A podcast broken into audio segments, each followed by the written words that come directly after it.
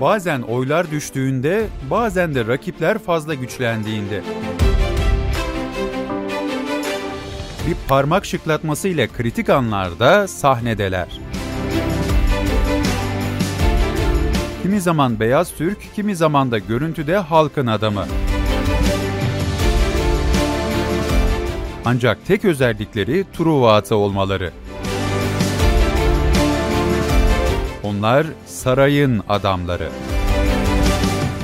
2002 yılında iktidara geldikten sonra Erdoğan'ın en çok kullandığı argüman şüphesiz geçmiş dönemin vesayet odakları oldu. Yargıdan orduya, kim geçmişin acı hatıralarını taşıyorsa onlara hitap etti, kitlelerin hassasiyetlerine saygısı olmayan marjinallerin çıkışlarını da istismar etti.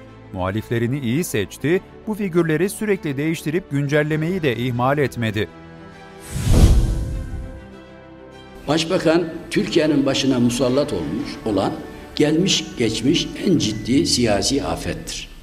Sayın Başbakan şunu bil ki seni ve hükümetini tuz gölüne atsak, kireç kuyusuna bastırsak, sabun deryasına soksak, ardından da Van Gölü'ne durulasak yine aklanamaz, yine de temizlenemez. Zaten Erdoğan'ın kendisine yönelik edilen ağır hakaretleri sineye çekmesinin hikmeti de yıllar sonra kurulacak Cumhur İttifakı ile anlaşılacaktı. Cumhurbaşkanlığı adayımız bellidir. O muhterem isim Sayın Recep Tayyip Erdoğan'dır. Erdoğan'a muhalif görünen ancak aslında Erdoğan'ın politikalarına hizmet ettiği bilinen en büyük grup şüphesiz kimilerinin ulusolcu olarak tabir ettiği marjinal kesim. Erdoğan'la yolları ise 17-25 Aralık operasyonlarından 10 gün sonra soğuk bir Ocak akşamında Dolmabahçe'de kesişti. Dönemin Barolar Birliği Başkanı Metin Feyzioğlu ile yaptıkları Ergenekon ve Balyoz davalarının kapatılması mutabakatı o gün bugündür tıkır tıkır işliyor. Sayın Başbakan'ın bu konudaki yaklaşımı e, bizim izlediğimize göre son derece sıcak ve olumlu oldu. E, Sayın Adalet Bakanı'na e, Türkiye Barolar Birliği ile istişare etmelerini bu konuda birlikte çalışılmasını istediğini ifade etti. Erdoğan Feyzioğlu'nu kameralar önünde azarlasa da Feyzoğlu çizgisini hiç bozmadı. Neyi yanlış söyledim Sayın Başbakan? Ne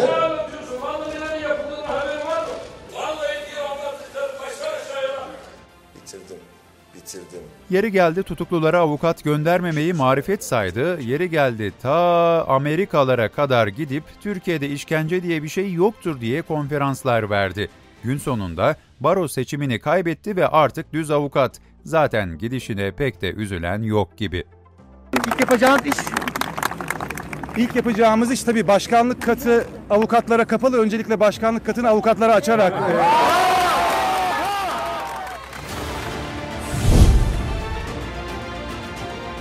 Feyzioğlu'nun Dolmabahçe görüşmesiyle hapisten çıkmasını sağladıkları arasında en önemli kişilerden biri şüphesiz Doğu Perinçek'ti. Ömrünün sonbaharında hayallerini gerçekleştirmenin mutluluğuyla tam kadro sarayın emrine girdi. Tayyip Erdoğan düşmanlığı bizim programımız değil. Açık söylüyorum. Sevmeyin beni. Yıllarca kılıktan kılığa girdi, hiçbir mahallede barınamadı. Ancak son durağı siyasal İslamcılarla çok iyi anlaştı. Türk televizyonları önüne serildi, ekranlar onun fantastik oyun alanı haline geldi. Alman otomobili daha iyi mesela. Ay, bence Türk otomobili en iyisi. Yok ki. O olacak. Medyada üzerinde konuşulacak muhalif maskeli çok fazla Erdoğancı isim olsa da biz siyasetten devam edelim. Benim Cumhurbaşkanlığımda 81 milyon kazanacak. 81 milyon. İyi bir hatipti, CHP'de sabretse parlak bir geleceği olacağı kesindi. Ancak kritik bir hatasında seçmen üzerini çizdi. Erdoğan'la rakip olarak girdiği başkanlık seçiminde sandıkları bekleyen CHP'lileri bırakıp ortadan kaybolunca tabiri caizse kafalara o an dank etti. Muharrem mesaj attım. Ee, başkanım ne diyorsunuz, yorumunuz nedir? Herkes sizin yorumunuzu bekliyor dedim. Adam kazandı dedi. Günlerdir konuşuyorum ama medya vermemekte ısrarlı. CHP'den istifa eden Muharrem İnce Memleket Partisi'ni kurdu. Hedefi Millet İttifakı olan İnce'ye Şimdilerde yandaş ekranlar sonuna kadar açık. Memleket Partisi'ni kurdu. Genel merkezde kameraların karşısına geçti. CHP'ye vurdu. Memnun musun durumundan? Çok memnunum. Herhalde Cumhuriyet tarihinde kurulduktan 4 ay içinde kurultay yapan tek parti biziz. Sadece soldan değil, sağdan da yeni aktörler sahaya indi. İyi Parti'den ayrılan Ümit Özdağ, Zafer Partisi'ni kurup özellikle yabancı karşıtlığı ve dozu yüksek milliyetçilikle oy toplamaya girişti. Yandaş kanal yayınında masaya Atatürk büstü getirip koyması, elbette din istismarı ile oy toplayanlara aradıkları malzemeyi verdi. Yapmamız gereken bence şey şu, şunu şöyle bir koyalım da. Bundan sonra Onunla mı geldiniz? Ha, bundan sonra böyle devam edelim. Bununla mı Ee, geldiniz? Evet evet Gazi Mustafa Bir dakika, Kemal. Atatürk. Muhalefetten kopup parti kuranlar bunlarla da sınırlı değil. Partisinin ismi pek öne çıkmasa da bu aralar sosyal medyayı ve Z kuşağını çok yanlış anlayanlar da mevcut. Mustafa Başkan, Mustafa Başkan. Hoş geldin başkan. Muhalefet içindeki Erdoğan'a en çok çalışan isimlerden biri ise şüphesiz Bolu Belediye Başkanı Tanju Özcan. Onun da yabancı karşıtlığı üzerine kurulu sert söylemleri rahatsız edici. Bir de faiz konusunda yaptığı ironi hala tartışılıyor. Milli Kurtuluş Savaşı'nda faiz indirme noktasında ben Sayın Cumhurbaşkanı'nın en yakın silah arkadaşı olarak görev almaya hazırım. Siyasiler bir yana geçmişte kendisine muhalefet eden televizyonları ve gazeteleri üstelik içindekilerle birlikte ağır ağır yandaş mahalleye katan Erdoğan, ekranlara muhalifçilik oynayan yüzler sürdü. Zira kendi havuz medyasının halkta sıfır karşılığı olduğu ve çapsızlığı gerçeğinin en iyi o farkında. Bu yayın organlarında ekrana çıkarılacak yandaş ve sözde muhalif listesinin varlığı da herkesçe biliniyor. Sonuç olarak 20-25 kişi her gün ekran ekran gezip birbirleriyle mahsusçuktan kavga ediyorlar.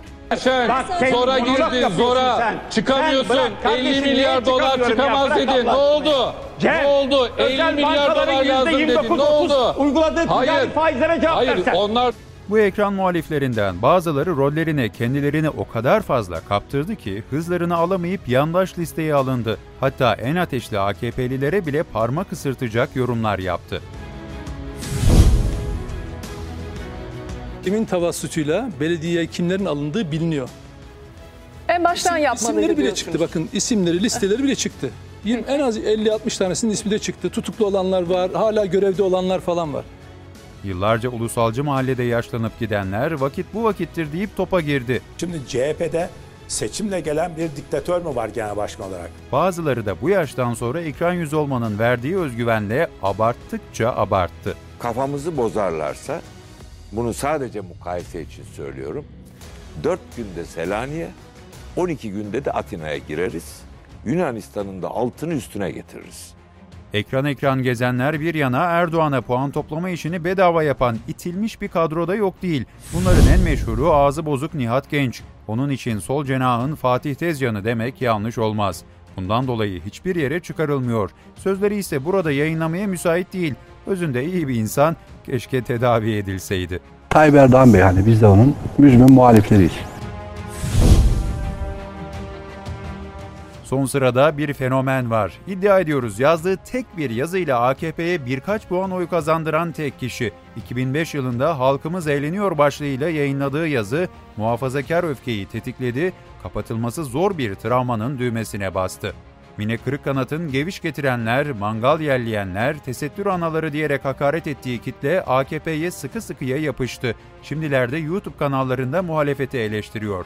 Neyse ki artık popüler değil. Kılıçdaroğlu ve ekibi hakkında çok kapsamlı bir dosya var. Çok can alıcı bir dosya. Çok yıkıcı bir dosya. Nerede? Yanda. Yandaş basının elinde. Liste uzar gider. Cumhurbaşkanlığı seçimine hazırlanan Türkiye'de herkesin ettiği söze, yazdığı yazıya dikkat etmesi gereken bir dönem yaşanıyor. Bu kez bakalım kimler sahne alacak merakla bekleniyor.